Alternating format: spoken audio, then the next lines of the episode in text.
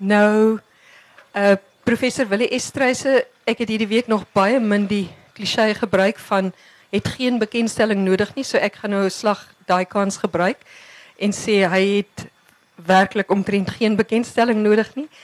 Hy was nog destyds my dosent in my eerste jaar en ek onthou hy het ons gekorrupteer deur ons te verseker dat die rooi gevaar eintlik maar nie so gevaarlik is soos wat die NP regering van destyds wou voorgee nie.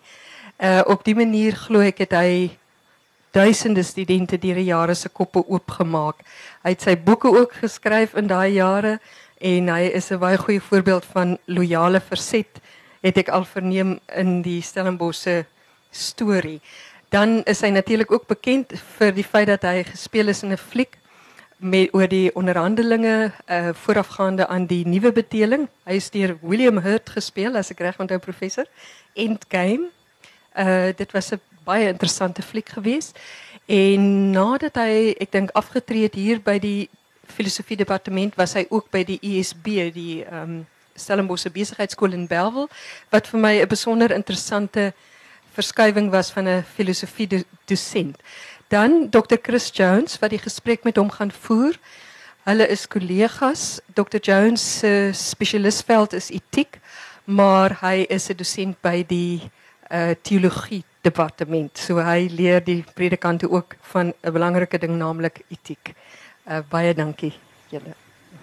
Goeiemiddag. Uh, kan ek net hoor is dit duidelik so? Goeiemiddag, baie hartlik welkom aan elkeen van julle. Ons is bly julle is hier so en uh voordat ek begin net vir Willie en ook na Lady geluk sê met die boek.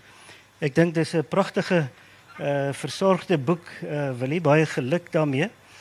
Ehm um, geagte Jawe is nie net 'n reis uh deur die geskiedenis en deur tempels en deur landskappe nie.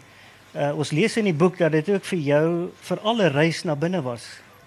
Ja nee, dit was so. Ek het ehm um, ek het 'n baie verbeeldingryke soort van lewe. So ek verbeel my baie dinge. Ek sal net iets vir hierdie prente ook sê. En so die reise wat ek gehad saam met ander mense en dis van hulle wat hier by ons sit wat saam met ons gereis het en selfs daar teen die berg van Moses probeer uitklim het. Dit was ook al 'n ervaring. Ek onthou dat my vriend Mof het spesiale kameel gehuur bo te kom en toe kon hy nie eintlik op die kameel sit nie. En so die kameel saam met dan langs die pad. En nou die die die, die my en dit is 'n baie moeilike ding om te doen. En ook die boek wat ek geskryf het, is hoe dat jy jou historiese ervarings en jou ontmoetings met uh, met tempels en met berge en mense vertaal op 'n manier wat vir jou as mens verryk en ook selfs verander. So dit is in dit die die die reis na die reis langs die roetes selfs die karavaanroetes van Egipte en so het was ook 'n reis langs 'n karavaanroete wat ek natuurlik nie geken het nie en nie eers van geweet het altyd nie want want jy ontdek jouself ook. En ek probeer vir mense verduidelik dat hierdie reise wat ons so saam gehad het Anne Marie en almal van my kinders ook het uiteindelik 'n effek op my gehad en ek moet vir myself vra nou wie is ek? Ek kom van Lensburg, van Middelplaas. En ek daar was 12 kinders in matriek en ek was die ouer broer. Daar was 3 meisies en ek was die ouer broer. Nou kom ek vandaan. En ek moet dit vertolk vir myself en vir my vrou nou wie is ek en wie is God? En so dit is inderdaad so. Jy uh, skryf in die boek dat jy amper vir 20 jaar loop en dink het voordat jy hierdie briewe begin skryf het. Ja. Maar 'n baie belangrike rede hiervoor, ek is gebore op die 19 Augustus 1936 En dit is die dag wat Stalin met sy skynverhore begin het om van sy vriende en sy vyande binne 14 dae te likwideer. Ja, ek dink nou nie my verjaarsdag het enigiets daarmee te doen gehad nie, maar ek onthou dit. En daarmee die en deur die jare het die wete van Stalin en die boosaardige natuur wat hy gehad het en die wreedhede het by my vasgesit. So ek het 'n ding oor geweld en ek het ek sal later miskien daaroor iets sê. En en Boy Patong, toe Boy Patong gebeur in 1992 en dit was so 'n paar weke voor my verjaarsdag. Het 'n vriend my gebel uit Pretoria. En dit was 'n minister. Ek het daai dae nog vriende gehad wat ministers is. Ek weet dit nou nie nou nie. Ek weet dis nou een van die dinge wat ek nou gebeur het. En ek onthou dat ehm um, ons het hieroor gepraat. Dan ek die uitdrukking het by, by ons na vore gekom Uh, jy weet hoe kan so iets gebeur? Hoe kan so iets gebeur in 'n land wat sê ons is Christene? En en ons sê nou hoe weet ons en die die sin wat in my kop kom vassteek uh wat jy weet waar ek vir myself ook gesê het uh die Here weet alleen maar weet hy regtig en watter soort rol speel die idee van die wil van God binne in hierdie soort van kontekste van barbaarse geweld en opstand. So dit was die dit is die begin daarvan. En ek het lank gewag en dit is toe jy sal hier voor 'n prent sien van 'n hawe, dis ehm um, Valletta. En in daai hawe daar by daai plek het die moslems en die christene in 1965 met mekaar gebots. En die storie is dat as die Knights of St John of die ridders van die heilige Johannes, as hulle nie die so gewen het nie, dan was Europa waarskynlik uh, moslim want Zulman die voortreffelike, hy was op pad Europa toe. Hy is by Wenen verslaan, maar hy's terug gaan toe begin hy by Malta. Daai pawe wat jy daar sien, ek kan nou nie onthou wat die een is nie. Daai duisende lyke het daar rond gedryf. En wat gebeur het ook is dat Zulman het die knights wat al toe al dood was, het hulle koppe afgekap en op pale gesit en het hulle lyke op kruise vasgespijker en het dit in die water gesit sodat kan uitspoel na die kant van uh, van die uh, van die ridders uh, se gebied. En dit was natuurlik 'n doelbewuste vorm van aggressie. Want die kruis is 'n simbool van die Knights of St John, hulle swaarde, het soos kruise gelyk en die embleem was ook. En toe het um, die leier van die ridders het gewoon van die Turke wat hy gevang het, het hulle koppe afgekap. Hulle in een sy grootste kanon gesit en die koppe oorgeskiet daar na Zulman se kant toe. In in albei gevalle, in albei gevalle het het het het in die geval van die van van Zulman is daar by alle gepleit vir die oorwinning. In die geval van die Christene is daar by God gepleit vir 'n oorwinning. En aan albei kante sê God is aan 'n kant, die een nou al aan die ander. En en die ding toe ek daar staan en dit vir myself sê en hieroor begin dink, toe sê ek maar ek moet hieroor iets skryf, want ek verstaan dit nie. Selfs nie in die al die verhale wat ek in die teologiese fakulteit en op ander plekke gehoor het oor die idee van die wil van God het 'n rol in mense lewens speel. En as jy dan daar gaan staan en jy visualiseer wat hier gebeur het en die en die en die enorme wreedheid waarmee oorlog gepaard gaan. Dan moet jy jouself al vra. Nou hoe hoe hoe kan dit wees?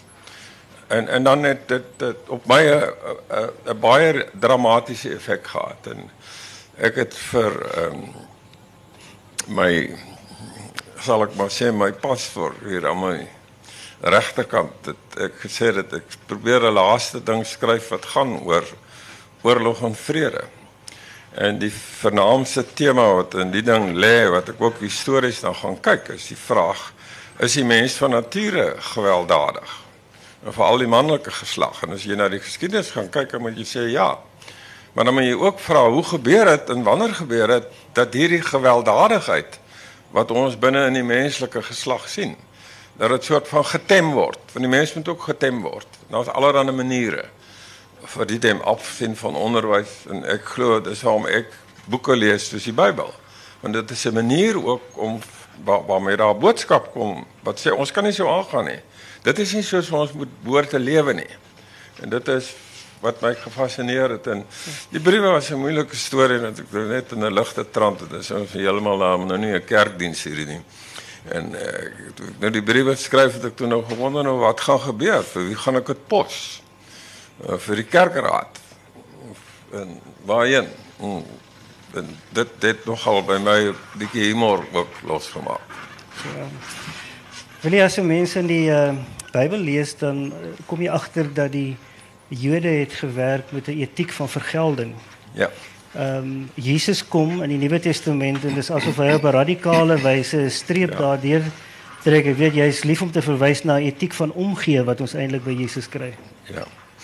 Ja, die, ek dink hy raak iets aan wat vir my besig hou nou dat ek ouer word. My toekoms is baie korter as my verlede.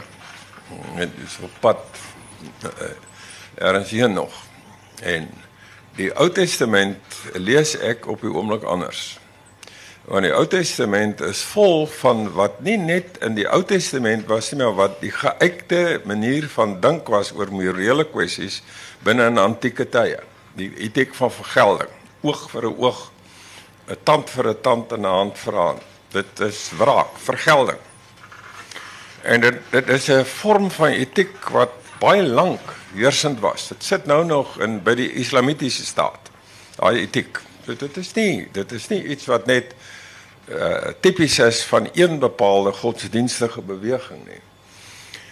En en en dit is waarom die die boodskap van Jesus my so aangryp. En ek maak geen geheim daarvan nie dat ek identifiseer my volledig met daai boodskap.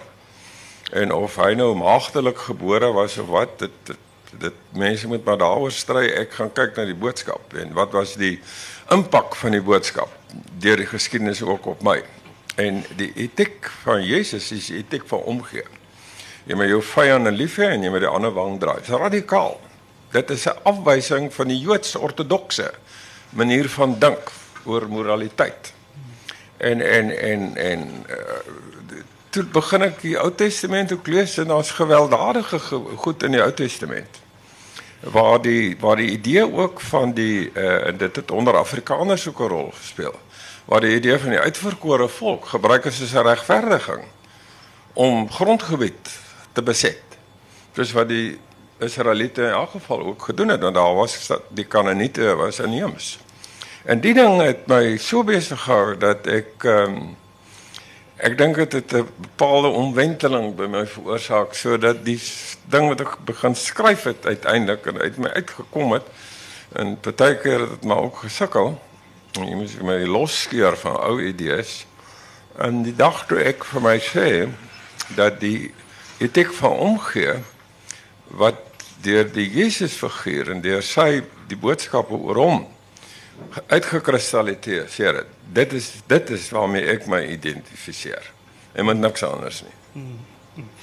Jy het miskien al geraak daaraan uh, Willem, maar ehm um, as as ons die Ou Testament lees, dan word God amper vir ons voorgestel as 'n God van oorlog. Ja. En in die Nuwe Testament kry ons vir Christus en hy word genoem die prins van vrede. Ja. So jy kry die oorlog en vrede, maar reg deur die geskiedenis speel godsdiens eintlik 'n rol in beide, in oorlog streep ja. geweld en in vrede, né?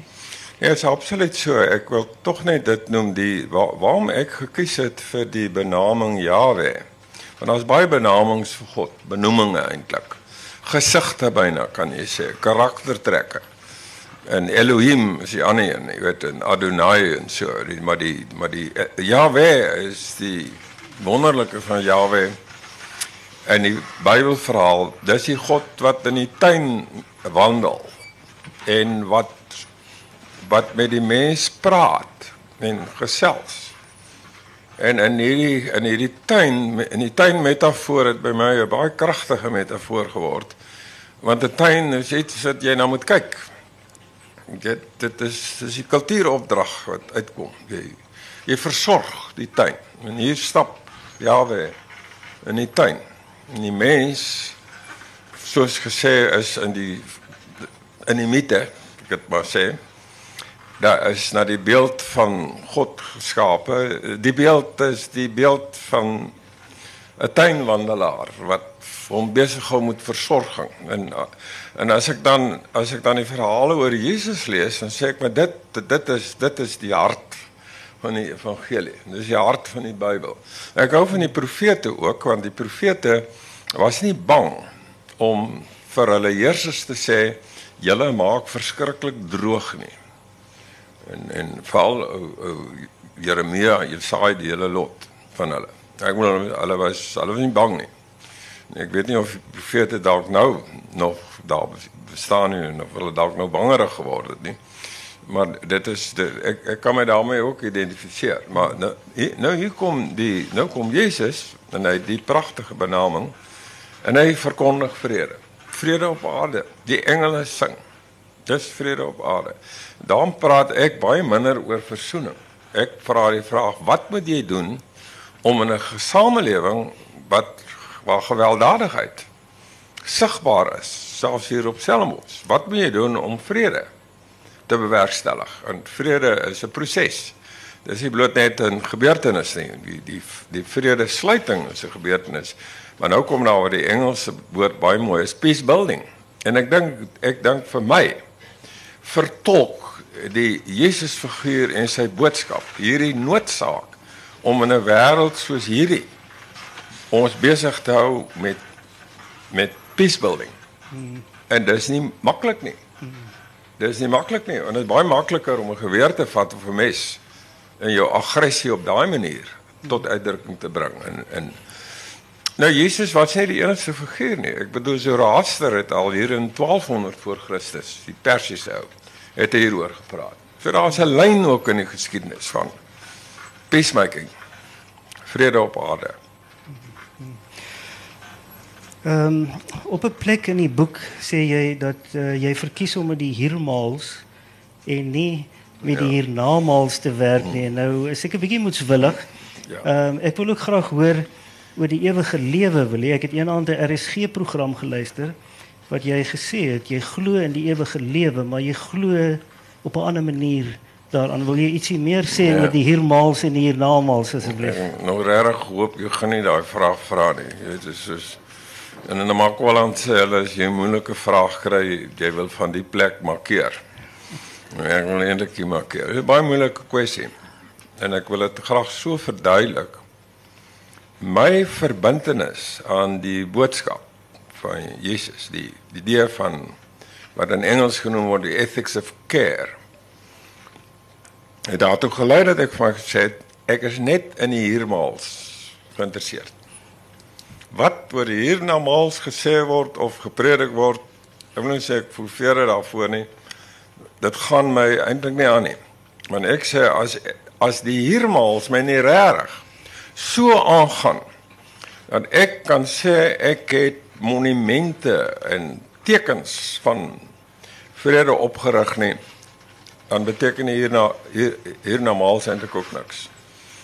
En dan het ek nou 'n ander beskouing wat Wat nou 'n bietjie lastig is, maar ek moet dit sê want ehm uh, jy het my nou die vraag gevra. Ek is al daar waar ek sê die idee van ons sterflikheid het te maak met die herinneringe, die memories wat mense het. Vir my is Jesus onsterflik want ek onthou hom. My kinders sal hom onthou hopelik van hom praat. En en Augustinus. Ek het 'n kritiek met Augustinus want Christ, Augustinus is die eerste ou in die Christelike tradisie wat gesê het dat oorlog is geregverdig. Daar is so iets soos 'n just war. Maar ek kan ek ek kan my met Augustinus, Augustinus leef vir my in die tekste wat ek oor hom lees.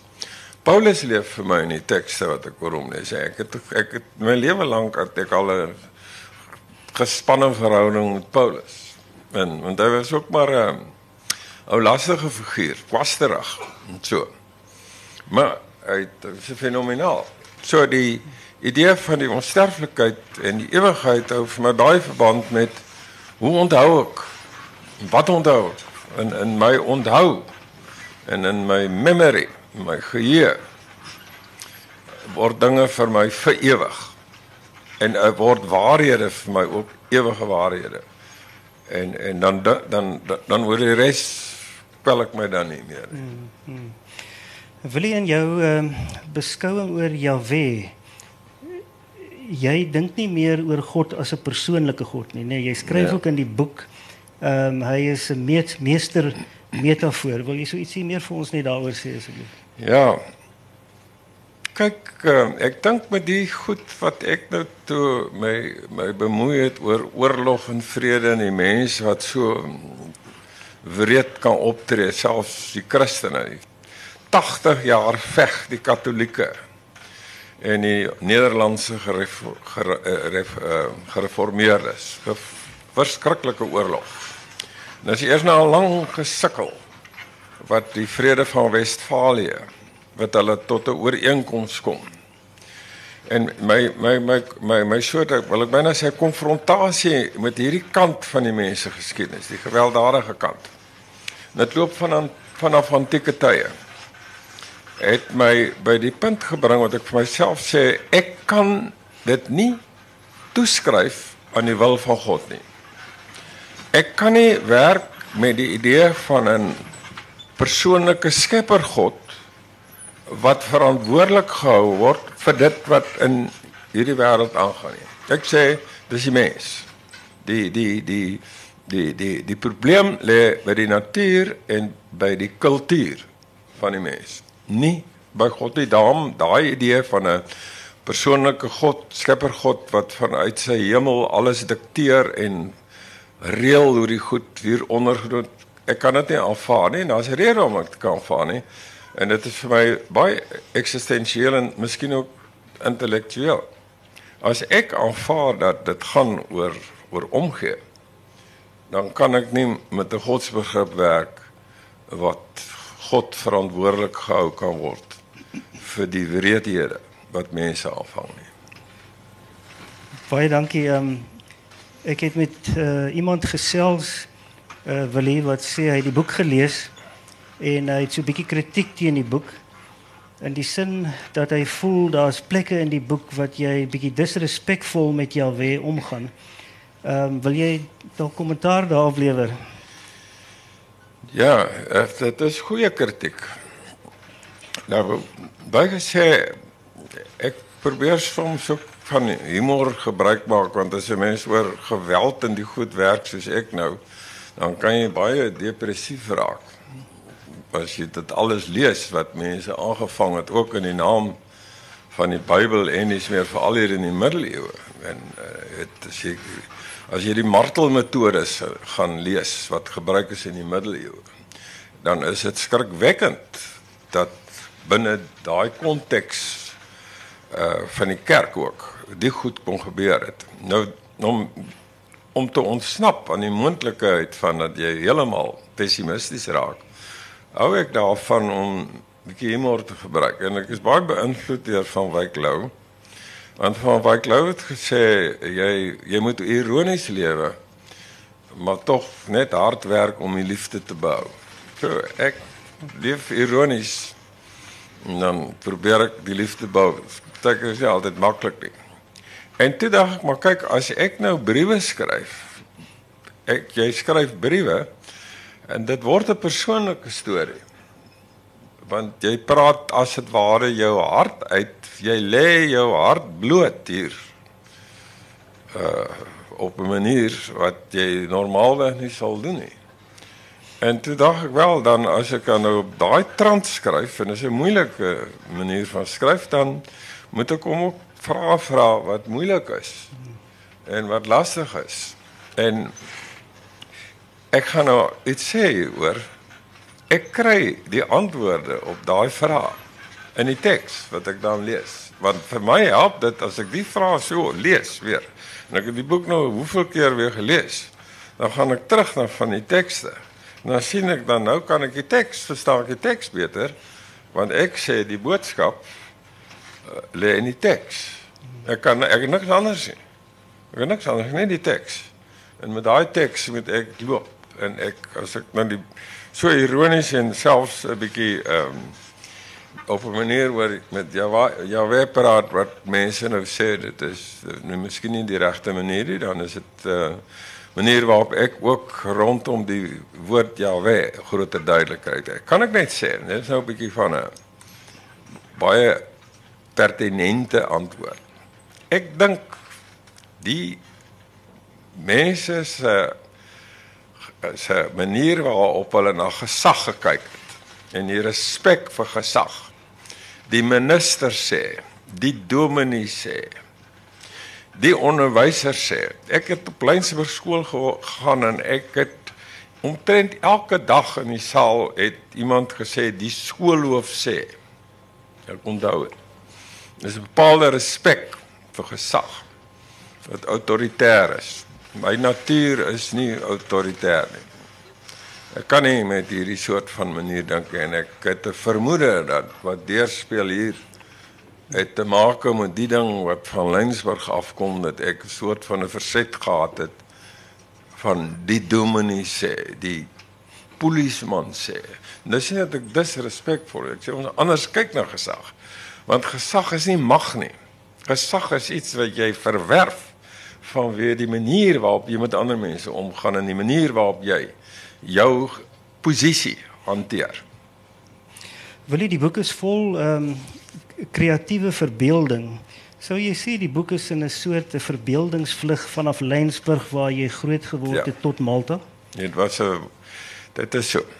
Het ek het dit verskriklik geniet toe ek my verbeelding loslaat oor van, van Lensburg. Ek was alleenere groot geword en ek het met 'n fiets van die plaas af skool toe gery.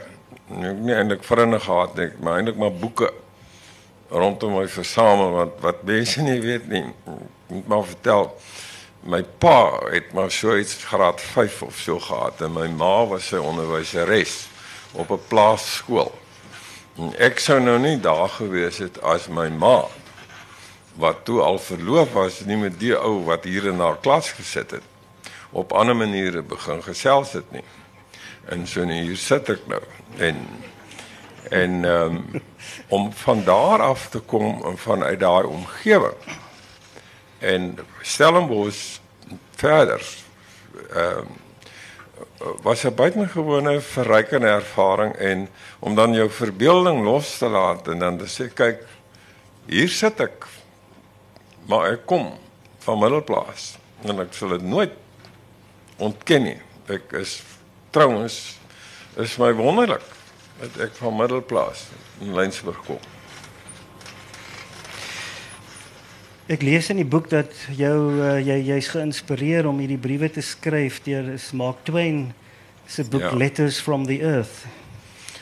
Ja, maar, dit is jy weet nou nie sy naam eintlik noem nie, die Mark Twain nie. En kyk, die storie is dat ehm um, ek, ek ons by sy huis ook in Amerika Springfield in in die noorde van Amerika. Hy was 'n ongelooflike goeie joernalis. Hy het in Suid-Afrika ook gereis. En het het 'n sterk ding ook gehad oor die Engelse en die manier waarop hulle die oorlog gevoer het deur vroue en, en kinders in kampe te laat sterf. Nou, hy het 'n boek ook geskryf oor koning Leopold wat uh, ek dink uh, wat uiteindelik daartoe gelei het dat die Amerikaanse regering gesê het nee dit kan ook nie so aangaan nie. Maar die Amerikaners het destyds vir ou koning Leopold uh, ondersteun. En en het, het, wat my van Mark Twain fascineer is hoe 'n boek nie net 'n wêreld oopmaak nie, maar 'n wêreld kan verander. En dis wat hy gedoen het, sê goed. Hy skryf op 'n ironiese siniese manier. En die bepaalde boek uh uh skryf hy hoe die hoe Satan wat toe nog in die kring uh van die van die heiliges daarbo toegelaat is, soos wat 'n mens kry in die verhaal ook oor Job en so. Uh, hoe dat uh hoe dat uh hy moet vanweë sy lostong verban uh, God hom toe na die aarde en toe hier kom hy het nou nog so twee drie vriende daarbo en skryf vir hulle 'n brief. En hy sê ek, ek moet vir julle sê die plek hier onder, julle moet kom kyk hoe lyk dit. Dit is 'n verskriklike plek. En dan kom julle en dan sê julle nog julle mense is na die beeld van God geskape. En die ding het is hy hy stel, hy stel dit baie kras. Ek dink nie ek is so kras nie. Ek het nie daai vermoë altyd nie. Ook nie vermoë om so goed te skryf soos hy nie.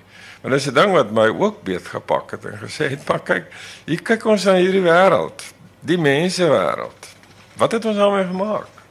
Oor 'n tydperk van 4 5000 jaar wat die goed van ek dink, weet meer as dit. Waar staan ons? Ons het nou 'n boek wat geskryf is deur Pinker wat sê wel dit lyk maar sleg hier, maar ons is nie meer so gewelddadig soos wat ons was nie. Uh die uh, 'n boek het word deur Bill Gates uh aangeskryf as die beste boek wat hy in baie lank tyd gelees het. Ek verskil eintlik van Pinker. Ek dink die geweld van weer die tegnologie is baie meer uh, uh, ge, uh nie meer gewelddadig nie, maar dat dis massamoord in, in baie opsigte. So dis 'n vraag wat ek dink meer gevra moet word. Wat het ons met hierdie wêreld van ons gemaak? En as ek nou so die hier rondom my kyk in die asdrom en so dan vra ek my daai vraag. Ook. Ehm um, wil ek wil eintlik 'n ander vraag gevra het oor uh, godsdiens wat evolueer, maar maar ehm um, ek dink nou net skielik aan geweef verwys na geweld en Steven Pinker en en ehm um, um, dink jy ons het 'n soort feminisering nodig? Uh, jy het ook net gesê jy dink geweld is 'n manlike ja. ding. Uh, hoe gaan ons uh, ek dink aan die kerk ehm um, Ons het ook nou die dag daaroor gesels, jy weet mense wonder as vroue vroeër toegelaat is in die kerk om sekere amptes te bekleed of die kerk nie tog vandag anders sou gelyk het nie. Ja. Kyk, is 'n verskriklike belang, belangrike interessante vraag wat jy vra. Want ek het nou gegaan kyk na geweld binne in pre-moderne tye. Dit is 'n fases waarna ek nou kyk en en en die die die en en ek werk net met die idee van georganiseerde dodelike geweld. In al daai gevalle, in al die gevalle was dit was die soldate was mans. Hulle het 'n klas geword. En die dag toe Napoleon 'n professionele leer ingebring het, het hy nie vroue ingebring nie, hy het mans ingebring. En dit is 'n baie interessante patroon wat jy sien in die geskiedenis hoe dat die hoe dat georganiseerde dodelike geweld is uitgevoer deur leiersfigure wat oorwegend uh, wat mans was. Die enigste paar gevalle wat ek kon gekry het is in China waar daar twee keiserinne was, vroue. Ja, hulle was nou erg, daai twee keiserinne. Kyk, ek het vir iemand gesê as 'n vrou gewelddadig raak dan moet jy weet. Maar ek dit dis 'n uitsondering. En en en die die ander interessante ding is dat die ethics of care uiteindelik ontwikkel vanuit die feminisme. Vanuit die vroulike en die Chinese maak ook voorsiening daarvan. Dat die vroulike is anders. En en so ek wil wel beweer, jy weet dat ehm uh, dis 'n baie lastige ding en daar is nou allerlei interessante boeke geskryf van hierdie genetika en so aan ook oor die hele kwessie van the co-evolution of of of genes and culture. Nou is 'n manlike kultuur. En of dit nou geneties bepaal is, dit weet ons nog nie heeltemal nie, maar mense begin dink in daai rigting. Hmm. Ek dink net vinnig ehm onlangs 'n boek gelees, Abraham's Curse. Ja. En ehm um, waar die persoon die punt maak ehm um, dat uh Abraham wat sy seun Isak wou offer. Ja hoe dit 'n belangrike rol eintlik in al die Abrahamitiese godsdienste speel. In watter mate speel hierdie godsdienstige offerrituele 'n rol in geweld? Ja, ek dink ook jy weet dit dit dit is een van daai moeilike goed vir alles mense nou by Abraham kom want hy was 'n aardsvader van en hy word ook in die moslim geloof en so. En hy was heeltemal bereid om sy seun te offer. Waar uit sommige mense aflei dat mense offers wel destyds voorgekom het ook binne in daardie tradisies. Ja. Ek is nou nog nie daar nie. Ek dink nie ek dink nie so nie. Maar wat ek wel wil sê is is dat wat vir my die offer by hierdie goed wat ek nou hier het, was daar ook altare, diereoffers. Is van die vroegste tekens wat ons het wat daar diere geoffer is. Uh uh en so dit is nie mense offers gewees nie. So 3000 voor Christus. En dit lyk vir my dat die idee van offer het na vore gekom uh en en ek wil dit vanuit my idee van die etiese verkeerding is daar is ook by die mens in in passie vir geregtigheid vir vrede en dis meer ek kan 'n pragtige verhaal daaroor vertel daar is nie net 'n gewelddadige kant nie en dat die offer idee ingekom het met ons moet 'n manier vind om onsself skoon te maak. Om onsself die die Engelse woord is cleansing. En dat die offer gaan nie net bloot oor dankbaarheid nie. Die offer gaan nou ook daaroor dat ek moet my ek moet my was of dit nou in die bloed of in die water is of wat ook al. En die mense het dit nodig. En en ek het 'n ek het 'n besonderse affiniteit met die idee want ek dink dit is nodig dat mense, jy weet, dat jy cleansing nodig het. En daar is al verskillende maniere van cleansing. En ek dink die idee van verzoening en die boodskap van Jesus speel binne in die konteks 'n belangrike rol. Uh, maar dit is 'n universele ding by mense. Ek ek het nou gelees oor Moses. Moses het so hy's 'n Chinese, hy het so 400 voor Christus het hy geleef en hy hy kom in opstand teen Confucius. Dan Confucius verdedig die die belang van oorlog en dat die staat moet magsmiddels hê om homself te handhaaf. Moses sê nee. Dit is nie deel van die natuur van die mens nie. Oorlog is nie iets wat as iets wat teen ons in beginsel moet standpunt inneem en dit lyk vir my as die eerste ou wat gewetensbesware ontwikkel het teen oorlog. So hier is ook 'n tendens in die geskiedenis van die mens uit oertye wat sê nee nee nee. Dit kan nie so aangaan nie. Ons moet anders daaroor dink. Wil die godsdienst het oor duisende jare geëvolueer? Ja. Ek dink as ek nou moet sê uh ek hoop nou dit staan die plek die bo tabernakel.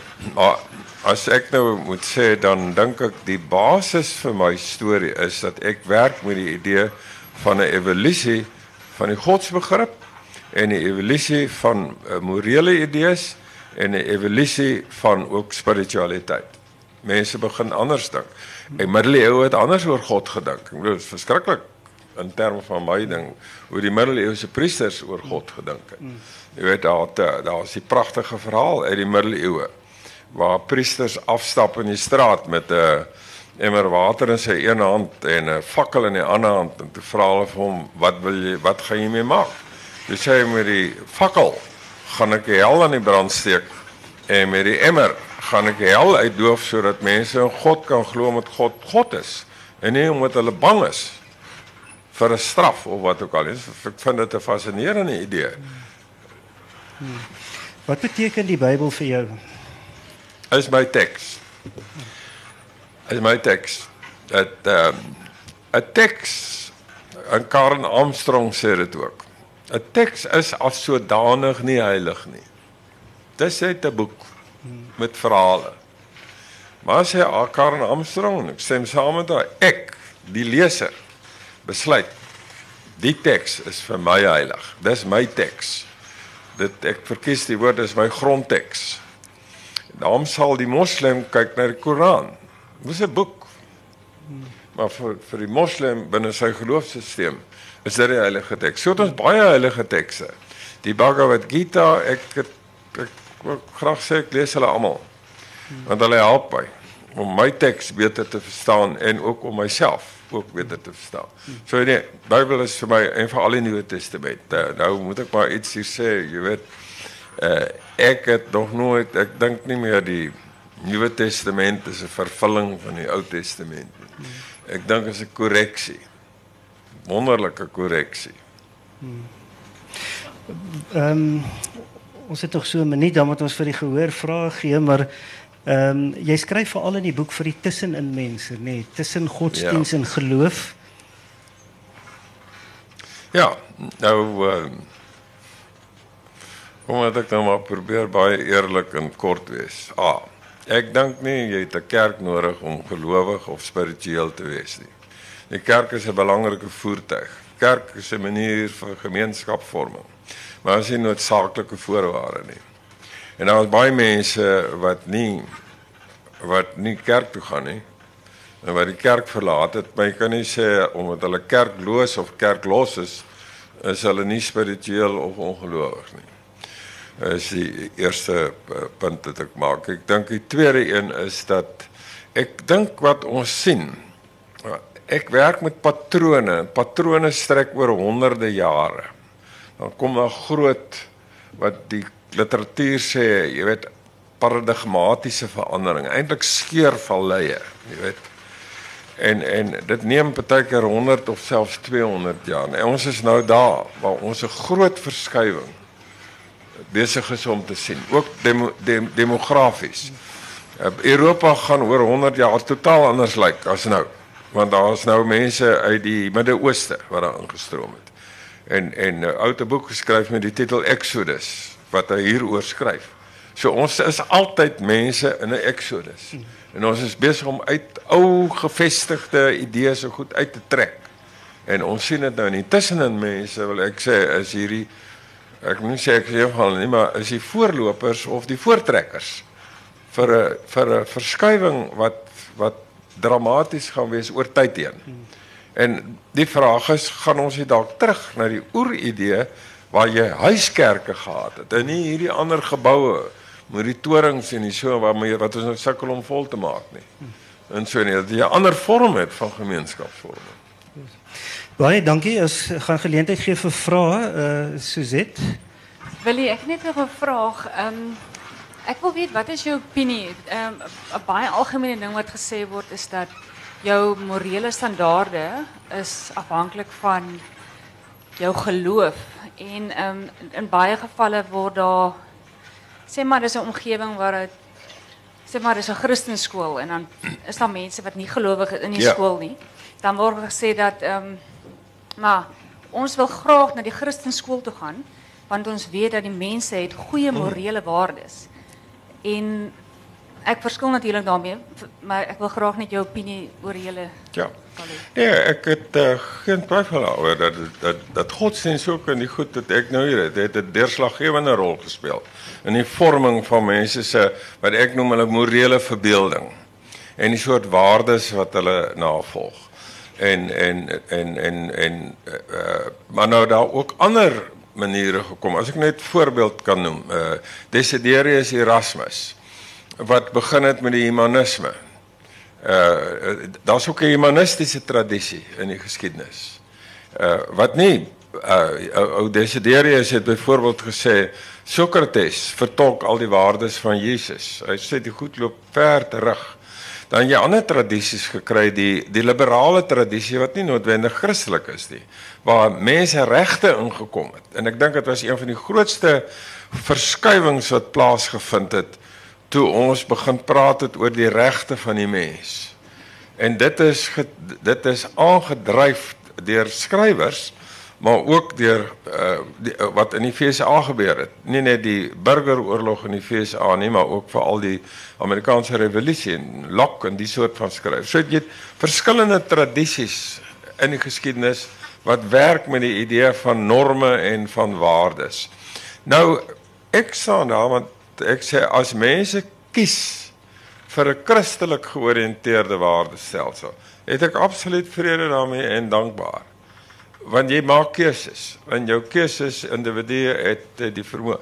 My enigste kritiek wat ek sal hê is as daai waardestelsel wat jy voorkies van so aard is dat dit ander mense se regte benadeel en ondermyn. En ek sal byvoorbeeld sterk beswaar maak as daar 'n Christenskool is en waar wat waar die waardestelsel van so aard is dat jy ander mense as minderwaardig en selfs as as nie eintlik volwaardig mens beskou nie. So ek dink ook wat ons moet soek na is 'n is 'n is 'n is 'n is 'n verdraagsaamheidskultuur wat die goed inspel op mekaar. So ek het geen beswaar teen 'n Christelike skool nie. Uh as my kinders want wil gaan kan hulle gaan. Uh ek sal nou self nou nie eintlik seker gegaan het nie. Met maar dit maak nou nie saak nie. Ek was by baie goeie skool. En so uh in universiteit ook maar dit is so. Ek dink die punt wat jy maak wil ek wil dit baie graag saamvat is dat sonder 'n normatiewe of uh, of wat ek maar noem 'n morele bewussyn kan se geen samelewing kan bestaan nie. Mag geen samelewing. Dis waarom ek hier oor die geweld so 'n ding het. Want geweld gaan in teen 'n kragtige produktiewe morele bewussyn. Jy moet kan sê nee, dit kan nie so wees nie. En as ons nie dit kan doen nie, dan verval 'n samelewing. Maar dankie vir jou vraag en ek Goed, praat kan- weer met jou want ek ken haar. Ja. Uh ek dink daar in die middel daarso ja, is welkom. Ja, professor, ehm um, het net nou gesê dat uh, of Jesus nou uh, magtelike geboorte gehad het of nie. Uh laat jy vir ander mense om oor te beklei dit en daarby kan 'n mens seker ook insluit of jy water geloop het en uh of jy opgevaar het. Maar die gesprek met Jahwe verwys hy tog na u seun. Wat is die begrip of aanvaarding van die feit dat Jesus die seun van God is? Ja. Kyk, ek nou eers net kom by die maagdelike want daar's baie verwysings in die mites oor maagdelike geboortes. Uh nie nie net in Egipte nie. Isis die, die Isis kultuur en en en die die simbool wat in die Egiptiese selfs nou nog op die vliegtye is Horus. Horus is maagdelik gebore gewees. Uh en Isis was die moeder, die heilige moeder wat tempels is na. So dit is 'n en ek dink ek het as ek nou vinnig moet sê ek nog nie tyd mors nie, maar ek dink die idee van die gemaagdelike geboorte het binne daai kulture 'n baie groot rol gespeel want dit het, het ook gehad met uh, met die beskouing dat die seksuele is iets wat jy eintlik hier eenkant moet hou en nie te veel moet oor praat nie want dit dit dit dit, is 'n lastige storie destyds geweest. Nou die die ek hou van die ek hou van die ek werk met metafore. En vir my is Jawe ook 'n metafoor. Baie belangrike metafoor en deurslaggewende metafoor vir my. Ek noem dit 'n meestermetafoor. En die die woord seun is ook 'n metafoor. Nou uh waarmee ek dus wil sê en ek moet die vraag baie vinnig beantwoord. Waarmee ek wil sê daar was nie wat my betref was daar nie so goddelike geboorte nie.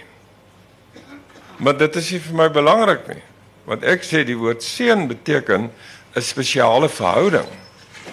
Want is ek ek ek het 'n spesiale verhouding met my seuns. En ek in in seun speel in daai opsig se versimboliseer baie spesiale verhouding. So ek het 'n baie spesiale verhouding met ehm um, met met die woord wat gebruik word Jesus Christus uh wat vir my die vertolking is van hoe dit wat dit is om te kern, om te gee. Goed. Uh baie dankie. Nog 'n vraag? Mevrouw Willy, ik, uh, ik, ik, ik heb nou die voorrecht gehad om mijn boek te lezen. En ik stem samen met me, omtrent alles wat u daarin zegt. En, en ook dat u uh, evolutie uh, als een voldongen feit aanvaardt. Uh, wat tegenstrijdig met baie uh, ander geloven is. maar hierin u uh, beleidenissen. Uh, vind ik iets wat, uh, wat ik niet uit die tekst kan afleiden. En, en je, je zegt bijvoorbeeld hier bij die tweede beleidenis, dat, dat sluit uit dat je het alles geskipt en aan die gang gezet zoals een oorlozing. Ja. En u toe aan die hele proces onttrek, beschouw dit van bovenaf, onbetrokken. Op grond waarvan maak je daar afleiding? Ja, dit is iets wat in die literatuur bekend staan as die deïstiese beskouing. Dat daar was 'n skepper God en jy kan dit soms noem 'n besonderse intelligensie en so wat al die dinge gemaak het en nou hardloop het. En nou is daar geen ander geen ingripping bonatuurlik nie. En en en en jy vra my in 'n sekere sin 'n bietjie vas en ek nogal gedink ek moet dit versigtig skryf En ek weet nie maar laat ek dan nou maar nou die antwoord gee. Omdat ek nie werk met die idee van 'n persoonlike God nie, wat 'n skepper God is nie. Verwerp aanvaar ek ook nie die idee dat hierdie deïstiese God die ding aan die gang gesit het, die horlosie gemaak het en nou terugsit en kyk hoe werk die horlosie. So ek dink wat jy vir my wil sê en ek vermoed ook anders sal dit ook sê ek ek het geen begrip en geen uh uh selfs poging om begrip te hê van die idee dat hier het iets hier is iets deur iemand gemaak nie. Nou of dit nou oerknal is of wat ook al. Baie interessant. Ek werk net met die idee hier is dit. En hier sit ek in hierdie wêreld. Wat maak ek hiermee? Waar dit vandaan kom en so aan. het ek redelik vrede. Ek dink by my gaan dit oor waar gaan ek met hierdie wêreld heen? En wat kan die tekste wat ek het vir my gee om iets van hierdie wêreld te maak? En of daar ander wêrelde is, dit gaan by my verby. Maar dit is 'n moeilike een want in die literatuur wat nou ook uitkom, jy weet oor om wat oor evolusie en so. En ook die vraagtekens wat rondom die oerknal is, is is is daar topwetenskaplikes wat sê nee, jy jy kan nie die standpunt inneem van dit het sommer dit het sommer net gebeur nie. Ek dink ek het die, ek kry die idee dat baie wetenskaplikes dink in die rigting van die wat hulle wil noem universal intelligence wat nie noodwendig vir persoonlik hoef te word nie. Ja, ek is nou nog nie daar nie. Nog nog vrae? Prof, die vraag vanmiddag is dit dit het my voorgekom, ek het hierdie boek gelees nie. Dit het my voorgekom dat dat u ook voel dat God staan terug. Hy het nou geskep en hy staan nou terug, soos jy gesê het van jou horlosie. En as ons dit nou aanvaar en ons begin dit nou te glo, want dis die indruk wat jy skep, dan ontstaan die vraag nou, wat is die nut van gebed? Vir wat bid ons dan? Vir beterskap? As die hele wêreld nou in duie stort, elke aspek daarvan, te veel mense, siekte, suurstof, veiligheid, alles stort in duie. En die indruk wat u skep is dat omdat God terug staan. So kan jy vir ons sê, hoe voel jy oor die krag van gebed dan? Ja kyk, ek dink uh, as ek die indruk geskep het dat God terug staan, dan het ek verkeerd gepraat, want ek werk nie met die idee van 'n Skepper God nie wat geskep het terug staan en dis meer nie. Dit dit en so nie. Die uh, gebed is is vir my 'n baie belangrike ritueel. Jy dis waar jy stilte kry. Ek in my verbeeldingswêreld word gebed vir my 'n binnekamer waar ek stilte met myself kry en vir myself vra vra soos wie is ek? Wat kan ek doen en wat behoort ek te doen om van hierdie wêreld 'n ander wêreld te maak? En ek gaan self so ver om te sê dat waar ek nou baie lief is vir Paulus en hy werk met die drie ledige ding van geloof, uh, hoop en liefde en die grootste van is die liefde. Uh begin ek sê ek baie keer luister ek verkies om oor hoop te praat. Want hoop is die energie wat 'n mens het om van die wêreld 'n ander wêreld te maak, die wêreld anders. Uh so uh, uh, uh, dan dan ek dink my uh, baie belangrike punt wat ek wil maak, ek het totaal maar totaal en al weggestap van die idee dat die leed en dis meer wat die mense in die wêreld sien is die wil van God. Weggestap. Ek sê dit is dit is 'n natuurlike besigheid en ook die die die die die die die die skuld van mense en besluite wat mense geneem het. En wat vir my fascineer die laaste tyd is dat hierdie ding van van oorlog en vrede vind jy oral. Hierdie spanning, ek noem dit die dialektiek tussen oorlog en vrede. Is hulle kry jy daar's 'n siekte en die wetenskap vind iets uit en die hierdie siekte word gehanteer deur die medisyne. Nou kom jy skielik weer 'n nuwe kiem uit hierdie wêreld van ons op. En so is ons vasgevang in 'n ewige dialektiek van vrede en oorlog. Of dit nou oorlog is soos wat ek nou beskryf het of in die menslike liggaam. En en en ek weier om dit aan 'n godsbeskikking toe te skryf. Ek plaas die verantwoordelikheid volledig op die mens wat sogenaamd na die beeld van God geskep is. So sê ek dink ons het aan die einde gekom. Ehm um, ek sien dis half 5. Ons wil net vir Willie sê baie baie dankie. Ehm um, ek dink ehm um, Willie gaan dit regkry met die lees van die boek om sy lesers so vir 'n tydjie te laat vertoef by Malta. Uh maar die wonderlike van die boek is dat dit jou nie gevange hou nie. Party mense gaan met baie van die goed saamstem, ander gaan met baie min daarvan saamstem. Willie beskryf maar net eintlik hoe hy by sy beskouing van jou weg gekom het. En as 'n mens klaar die boek gelees het, kan jy eintlik weer in jou eie spirituele bootjie klim en glimlaggend jou eie reis voortsit. Hoopelik geïnspireer deur vrede, daai onafgehandelde roeping in elkeen van ons se lewe. Die van julle wat nog nie die boek gelees het nie, ehm um, uh, koop hom gerus. Is hier voor Suzette gaan hier boeke wees? Ekskuus ek. Daar daar is boeke so as jy hulle wil koop, wil jy en jy gaan sommer teken ook daarso, nê? Nee? Ja. ja, baie dankie. Dankie Willie vir die uh, lekker gesprek en baie dankie vir elkeen van julle wat hier was. Dankie.